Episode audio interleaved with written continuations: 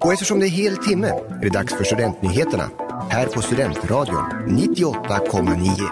Ärkebiskopen avgår. Kortfilmfestivalen avslutas. Det här är veckans nyheter.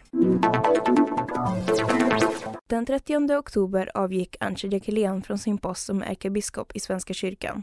Ceremonin sändes live från Uppsala domkyrka och finns idag tillgänglig på CT Play. På eventet fanns det körsång och Jackelén fick lämna av sig staven och byta ut sin kåpa till en resekåpa. Utanför kyrkan erbjöds gratis bullar och saft till alla som tog emot det. En av de närvarande besökarna har varit ombud för Svenska kyrkans unga och så här tyckte han om biskopens avgång. Nej men eh, det, jag tycker att det, det har varit eh, åtta spännande år. Eh, har inte hållit med om allt, alla uttalanden hon gjort men senaste hon sa om, om kristna friskolor var väldigt fint så jag tycker hon avgick med bra, bra, bra avslut sådär. Mm. Hur ser du på framtiden inom Svenska kyrkan nu?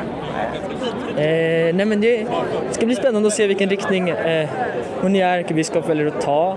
Det känns som att han, han eh, ligger lite mer lågt nu i början i alla fall. Svenska kyrkan kommer ta emot Martin Modéus som ny ärkebiskop den 4 december. Uppsalas kortfilmfestival varade mellan den 24 och 30 oktober. Under festivalen pågick flera specialevent av olika slag, bland annat visningar och seminarier om queer historia, mental hälsa samt det ursprungligen tyska projektet A Wall is a Screen, på svenska En vägg är en skärm. A Wall is the Screen är ett projekt som utövats i och utanför Europa i länder som Sverige, Indien, Japan och Kanada. Principen är att arrangörerna visar kortfilmer som visas på olika väggar i den valda staden med hjälp av en projektor. Efter att filmen är slut packar arrangörerna ihop och publiken följer dem till nästa vägg i det som till slut blir en filmvandring.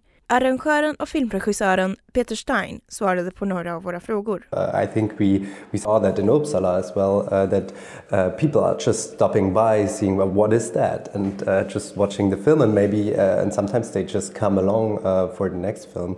Um, so yeah, we try to make the access to short film really easy, um, and I think we we then have people that wouldn't go to the cinema normally uh, and watch short film, but uh, outside in the in the city, they see, yeah, that's interesting, um, the films. Det går att läsa mer om A Wall is a Screen på awallisascreen.com och Uppsalas kortfilmfestival på shortfilmfestival.com.